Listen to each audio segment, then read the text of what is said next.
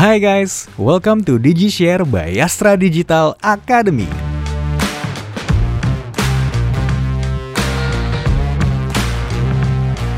Halo guys, selamat datang di Astra Digital Academy. Kita secara rutin sharing insight mengenai digital marketing, product development, dan big data. Insight-insightnya bisa lo temuin di Instagram, YouTube, dan podcast Astra Digital Academy. Terus eh, lo juga bisa lihat di website www.astradigital.id. Uh, gue Ferdi, konten editor Astra Digital, mau ngobrol-ngobrol bareng Wolfgang Semandros, brand spesialis Astra Digital. Yoi, tos dulu. Dulu. Mas Ox, apa kabar Mas Ox? Gue Baik, manggilnya Mas baik. Ox nih. Ya, boleh boleh. Apa kabar Mas Ox? Baik. Ya, ya. Geng, Yes. sekarang kita eh, diminta Astra Digital buat ngomongin kreativitas. Oh, ya. Menurut Mas Ogi, apa itu kreativitas? Kreativitas dalam konteks apa nih? Eh, general deh. General. Eh, buat saya sih eh, kreativitas tuh eh, seput apa pun yang bisa menarik perhatian orang ya dan maksudnya eh, sebuah eh, temuan yang berbeda dari yang sebelumnya. Sebenarnya kayak eh, sesimpel itu dulu sih kreativitas. Jadi eh, dalam bentuk apa pun, misalnya itu bisa secara gambar, bisa secara eh, alat-alat atau enggak bahkan dari bahasa juga bisa kreatif eh, eh, bentuk keluar dalam bentuk kreativitas seperti itu. Sebenarnya luas banget sih makna kreativitas. Jadi emang bahkan nggak seputar soal crafting karya aja, tapi mungkin dari dari perubahan sikap yang bisa menemukan sesuatu yang baru itu bisa bilang kreativitas. Oke, Kayak sesuatu gitu yang baru itu bisa ditemuin dari pikiran sendiri apa enggak dari eh apa? Dari sumber-sumber lain ya. Ya itu selalu pasti dari sendiri dan sumber-sumber lain. Mungkin sumber lain itu pemicunya dari luar gitu kan. Hmm. Misalnya makanya itu mungkin yang menginspirasi. Terus ke- ketika, ketika kita menemukan yang baru itu sih dibutuhkan dari dalam ya. Maksudnya itu sumber kreatifnya. Oh, berarti Kayak kok gitu. kreatif itu bisa dibilang kayak modif modif modifikasi ide gitu sih? Ya, memodifikasi bisa dibilang ya, memodifikasi Hmm. ide kan mungkin jadi berubah lebih baik lagi atau berubah secara total. Kita nggak tahu lebih baik atau lebih bagus, tapi kan ketika itu ada perbedaan dan ketika itu berdampak eh, baru, itu bisa dibilang kreatif sih. Oke.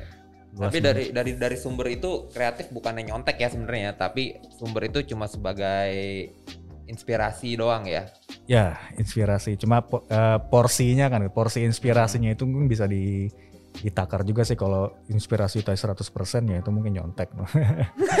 Bukan inspirasi. Bukan inspirasi, plek ketiplek.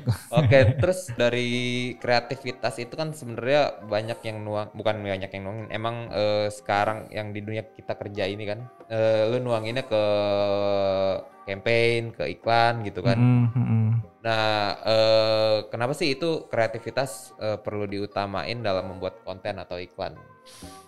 kreativitas sangat eh sangat diperlukan ya sangat diperlukan Kenapa? dalam buat konteks iklan itu ya gini eh kita kan aktivitas utamanya jualan gitu ya sama aja kayak kalau pergi pergi ke pasar di tengah pasar gitu terus lagi jalan kiri kanan ada yang jualan. Nah yang kan banyak orang lihat pas lagi jualan itu ada yang menggelarkan barang-barangnya gitu aja terus nungguin orang datang terus kalau misalnya jalan lebih jauh lagi terus ada yang yuk yuk bu bu bu gitu. Ayo sini bu nih ada barang yang menarik kayak gitu Oh, kan. iya. nah sebenarnya eh, dalam konteks jualan ya kenapa harus diperlukan kreativitas? Itu karena untuk cari perhatian sih sesimpel itu cari Oh. perhatian agar orang bikin bikin orang ih apa tuh? Akhirnya dia pengen tahu. Itu sebenarnya eh, konsep dasarnya sesimpel itu. Itu dalam konteks komunikasi ya. Kita tuh sebenarnya nggak eh, ya cari perhatian sama orang. Cuma caranya gimana? Kan ada caranya yang unik ada yang caranya emang langsung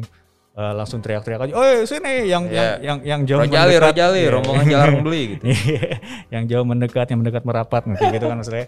Ya sesimpel itu sih. Jadi untuk konteks komunikasi dan jualan, bikin orang supaya nengok dulu dan dia tertarik hingga pengen tahu apa sih yang mau lo sampein ke gue nih, sampai lo harus teriak-teriak, sampai lo harus joget-joget eh, di tengah jalan misalnya kayak gitu. Nah itu dibutuhkan kreativitas. Nah kreativitasnya itu supaya kan eh, dibutuhkan lebih gitu ya, Hmm. karena yang pasti yang jualan orang nggak kita aja nggak kita aja ya gitu nggak kita aja mungkin ketika lo di tengah pasar itu semuanya pada teriak, ketika lo ikutan teriak-teriak ya sama aja sama yang lain. Akhirnya lo butuh joget. Nah itu kan berarti kan inspirasi ya. Yang Hmm. teriak-teriak itu jadikan inspirasi nih. Oh, gue kalau gue ikutan teriak juga, gue kayaknya sama aja sama yang lain. Akhirnya gue butuh juga juga joget deh di tengah pasar itu supaya ada yang nengok dan akhirnya mendekat dan merapat gitu. Jangan jualan obat deh kayak gitu kan.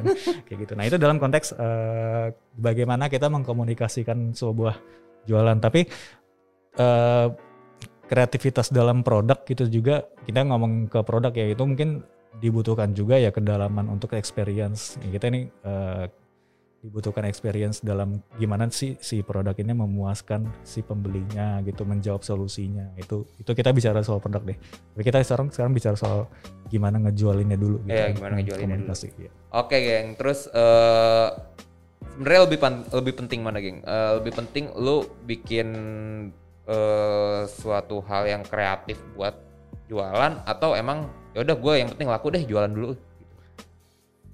Sebenarnya yang dibutuhin kreatif atau produknya sendiri nih yang jualan. Nah, emang sebenarnya ada uh, um, apa, istilah tuh the good product sell itself. Nah, mungkin uh, kita nggak bisa memungkiri di mana banyak produk yang uh, memberikan penawarannya yang sama, yang mirip-mirip gitu kan.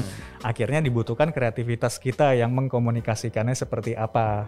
Nah, di situ tugas kita sebagai yang emang tukang jualin si produknya ini nih, kita harus lebih ngulik lebih dalam lagi nih. Ketika emang produknya sama nih, nah kita gaya nyampeinnya nih yang harus dibutuhin bahwa oh misal si pecel lele tadi misalnya ada pecel lele kita lihat tuh di jalan mana gitu oh, pecel lele spanduknya lele semua nih gitu kan lele semua Gak ada ayamnya tuh, ya. gak ada ayam jagonya. pecel lele semua yang bentuknya es sama es kebalik gitu kan bentuk liukan lelenya gitu nah ini produknya sama cuma kalau misalnya kita dibutuhkan kreativitas di situ kita mungkin mendekatinya ke si orang yang lihat nih mungkin orang kalau orang yang lihat nih lagi lapar eh, kita mungkin di spanduknya itu eh, lebih enak kalau dimakan lagi lapar. Nah mungkin itu jadi mendekati si yang baca nih, oh ya gue lagi lapar, mungkin akan lebih enak. Nah mungkin ada spanduk yang lain khas Madiun misalnya gitu kan. Nah mungkin kalau ketika ada orang yang Madiun yang lewat, oh ini udah khas banget khas banget Madiun, terus ya udah gue cobain situ deh. Mungkin eh, rasanya sama sama yang di di kota asal seperti itu. Mungkin pendekatan approach mengkomunikasinya apa sih yang mau lo jual di situ tuh gitu karena emang produknya sama pecel lele gitu. Jadi emang how uh, how to sell-nya sekarang dibutuhin kalau di kreativitas kita ya gitu. Oke, jadi eh kreativitas itu bukan cuma jadi pembeda ya, Mas ya.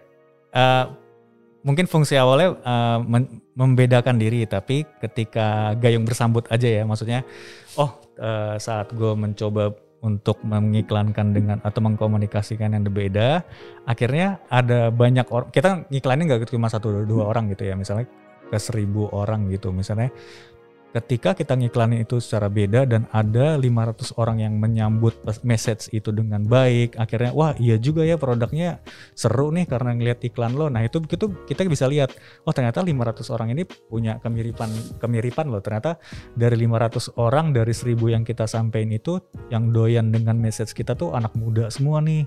Terus emang doyan pecel lele gitu. Hmm. Wah, berarti eh, kita bisa tahu nih bahwa oh ternyata yang minat dengan message kita dengan gaya yang beda itu adalah anak muda. Oh nggak ada salahnya nih kalau kita makin menajamkan bahwa produk-produk kita diminati anak muda. Jadi fungsinya adalah untuk eh, alat bantu untuk menajamkan siapa sih sebenarnya yang meminati eh, message kita sehingga kita lebih tahu, lebih kenal dengan eh, audiens kita dan market kita. Misal tadi kan 500 ternyata yang minatin tuh anak muda semua. Nah mungkin ada sisanya itu 200 orang ternyata ah biasa aja dengan iklan lo. Yaudah mungkin bukan kita sasar lagi. Kita nggak perlu habisin tenaga untuk mengiklankan eh, dengan segmen yang tadi 200 orang tadi yang nggak suka. Yaudah kita lupakan. Kita fokus aja nih ke 500 orang yang ini nih si anak muda anak muda ini kayak gitu. Oh, Ini soal pecel lele misalnya kayak gitu. Gitu. Jadi fungsinya selain untuk menjadi pembeda eh, bisa menajemin juga menyambut mereka yang menyambut baik message kita. Akhirnya kita tahu karakter kita tuh yang kuat sebenarnya di di segmen mana sih gitu dan kita mungkin bisa eh, berkreasi lagi di segmen ini. Mungkin ya sama aja kayak di iklannya si Sasa yang lagi hype kan sekarang kan nih eh, apa banyak ternyata si Sasa itu iklan-iklannya banyak yang bentuk animasi. Mungkin segmen mereka pengen najemin ke sana gitu bahwa yang doyan masak, yang doyan rasa itu emang udah anak-anak milenial, centennials mungkin makanya keluar iklan-iklan ala anime Jepang. Mereka mau fokusin ke sana gitu. Udah bukan lagi yang tampilan-tampilannya yang ya, seorang yang di dapur banget gitu, yang lagi-lagi masak segala macam. Mungkin emang ada itu di YouTube-nya ada uh, video-video yang masih soal di dapur, tapi ketika ditampilkan baru animasi Jepang terus ngomongin fantasi yang soal makanan, soal rasa gitu akhirnya menarik perhatian mereka anak muda dan akhirnya bisa menarik perhatian untuk mencoba masak gitu, mengapresiasi rasa lebih jauh, ya why not gitu. Seperti itu sih. Oke, jadi e, bener gak sih yang jualan itu nggak bisa dengan cara yang normal-normal aja gitu? Ya. Yeah. Ya harus yang ada apa? Eh apa ya? Harus ada yang Tadi, ini nih titik yang kena iya, konsumen pembeda, nih, gitu. kayak pembeda gitu. Kayak pembeda. Kayak pembeda. Gitu. Tadi kayak yang udah dibahas tadi. Sama sebenernya kayak ini sih kalau kita lagi punya temen baru gitu kan, lagi kumpulan baru ada 10 orang. Yang paling lo inget tuh yang mana sih? Biasa tuh yang yang terlihat beda kan gitu kan. Oh, nah, iya mungkin sebenarnya sama aja kayak kayak si brand ini tuh kayak lo lagi mau masuk ke kumpulan orang, lo gimana biar diinget kayak gitu sih kalau lo diem-diem aja atau kayak uh, ya tadi normal-normal hmm. aja mungkin eh, nggak uh, akan mudah diingat gitu. Jadi general dan aja ya gitu general ya. aja. Bahkan kita kalau apalagi kalau ngomongin soal market gitu ya bahwa ada ada 10 atau 15 produk yang sama nih sama kayak lo. Kenapa kenapa lo harus diem-diem aja juga gitu? Walaupun produk-produk uh, kalau emang produknya juga uh, biasa aja gitu ya. Kita mau nggak mau kita harus mengkomunikasi mengkomunikasikannya secara lebih beda biar setidaknya diingat gitu. Oh. Kalau udah diingatnya bagus, berarti kan mungkin ada kemungkinan ke transaksi. Gitu. Oke, terus menurut lo nih mas, tren industri kreatif ke depan tuh kayak gimana sih nantinya? Tren industri kreatif lebih banyak tantangannya karena mungkin di tahun 90-an sampai tahun 2010-an gitu komunikasi apalagi soal iklan tuh masih seputar kontennya kayak bagaimana bikin konten print ad atau bikin konten video iklan itu seputar ini lu ini bagus, ini kreatif, ini dalamnya deep banget insightnya segala macam. Nah tapi untuk sekarang-sekarang ini tantangannya adalah bahwa akses untuk mencoba sebuah produk itu biar orang mau beli itu harus benar-benar dirasain gitu. Jadi emang uh, iklan lagi bukan jadi putusan oke okay, iklannya bagus gue langsung beli gitu. Gak nggak journey-nya jadi lebih panjang dan sekarang yang ke sini itu kalau emang gue beneran bisa ngerasain uh, produknya uh, dan itu beneran bisa ngejawab solusi gue ya gue akan transaksi di sini. Sehingga uh, apa yang komuni kita komunikasiin sebagai yang iklan maksudnya gitu ya hmm. itu gak lagi seputar awareness gitu. Jadi emang kita harus nyodorinnya secara komplit awareness ada experience-nya juga bisa harus kita komunikasi komunikasiin berbarengan dengan produk gitu. Jadi tantangannya sekarang itu kalau emang iklan lu keren-keren banget tapi ternyata experience-nya nggak nggak sesuai dengan apa yang diiklankan atau nggak bahkan atau tidak memberikan solusi yang tepat, oke okay, dia akan mencoba langsung produk yang lain. Hmm. Kayak gitu sih. Jadi tantangannya adalah kita uh, bi, ha, sebisa mungkin memberikan komunikasi sebuah produk yang jujur tapi bisa langsung dirasain juga sehingga review pun sekarang review pun langsung bisa kita baca kan ah yeah. ini iya. produknya bagus segala macam ya itu sih tantangannya. Jadi gimana supaya kita memberikan ke target market atau pasar itu whole package awareness iya. Ketika dicoba langsung emang oh ya benar gitu dan emang secara konsisten dia bisa uh, dipertanggungjawabin siapa yang kita komunikasiin. Oh, gitu. Oke. Okay. Hmm, Mas sekarang-sekarang ini kan banyak tuh oh, kita lihat banner-banner yang kreatif lah iklan-iklan yang keren-keren lah. Hmm. Nah, buat lo nih yang bekerja di dunia kreatif makin susah gak sih nyari hal-hal baru untuk buat dijadikan suatu campaign atau iklan atau konten? Tentu itu susah banget. Banget. ya itu susah banget uh, karena gini ya. Maksudnya kita dituntut untuk bikin sesuatu yang beda banget beda banget gitu. Terus dan uh, ekspektasinya ketika kita bikin iklan yang beda itu orang tertarik dengan kata lain yang biasanya orang bilang viral gitu kan. Hmm. wah viral tuh susah banget. Mungkin uh, keajaiban kali ya kalau di, yeah. di digital gitu. Karena apa? Uh, apa ya? Uh, satu orang itu kita maksudnya ngelihat saat dalam satu hari mungkin bisa ada riset bilang 16.000 sampai 90.000 itu nggak tahu kalau salah ya. Paparan iklan gitu paparan iklan dalam satu hari. Nah, ketika dia ngelihat itu secara sekilas aja gitu, itu kalau dihitung-hitung ya ada 16.000 sampai 90.000 iklan di internet atau nggak kita lagi jalan di di jalan gitu ngeliat billboard itu dihitung satu dan secara sadar dan tidak sadar. Nah, ketika itu uh, orang sudah jenuh orang lihat iklan-iklan terus kan semakin antisipasi ya. Bahkan ada iklan-iklan yang yang kayak oh ternyata ini iklan tuh gitu. Akhirnya dia mungkin ah jangan-jangan apa berita yang gue denger ini ntar bakal iklan lagi, semakin antisipatif gitu. Uh, gak mau ah gue gak mau lihat karena ternyata gue ter kecelek gitu ya. Ternyata ini iklan, ternyata ini iklan, ternyata iklan. Karena emang kreativitas menurut orang ke sana pengen bikin sesuatu yang bukan iklan tapi ternyata iklan sehingga message-nya masuk. Itu akhirnya mungkin ada ribuan. Ada ada terus si audiens juga udah makin antisipasi. Terus ada iklan yang benar-benar iklan dan mereka juga mungkin antisipasi akhirnya um, message iklan yang yang benar-benar nyampe ke orang itu adalah mereka yang butuh yang butuh produknya gitu. Jadi ketika siapa pun yang butuh produknya akhirnya emang dia yang nyari sendiri sih akhirnya kayak gitu sih. Jadi tantangannya adalah uh, secara message pun akhirnya kita nentuin nih kita mau iklan iklanin pure produknya aja kah atau emang bikin kreativitas yang wah-wah atau yang sangat berbeda tapi orang ternyata udah antisipasi. Hmm. Itu sih jadi tantangannya semakin sulitnya di Jadi kita mau bikin iklan yang jujur atau iklan yang mewah, wah-wah tapi ternyata banyak yang enggak Jenis iklannya apa gimana, Mas? Jenis iklannya.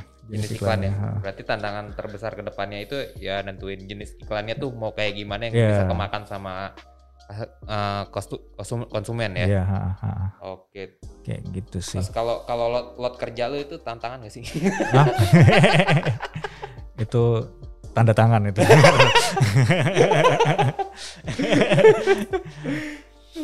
Kayak gitu. Oke Mas, thank you banget buat sharingnya hari ini. Hmm. Oh, ngomongin soal kreativitas dan berkontenan itu nggak akan ada habisnya. Malah jadi bahan diskusi yang sangat menarik. Oke ngomongin soal kreativitas dan perkontenan itu emang gak ada habis ya. Malah bisa jadi bahan diskusi yang oke banget ya geng ya? Oke oke banget. oke obrolan gue dan Ogeng nggak di episode ini aja. Intinya gue dan Ogeng bakal lebih ngobrol lebih dalam lagi di dunia lain Wah. nah, obrol obrolan gue sama Ogeng tentu nggak selesai di sini aja. Gue sama Ogeng bakal ngobrol lebih jauh di episode selanjutnya. Nah, jadi uh, tetap di YouTube, podcast dan Instagram Astra Digital Academy buat dapetin update terbaru dari kita ya.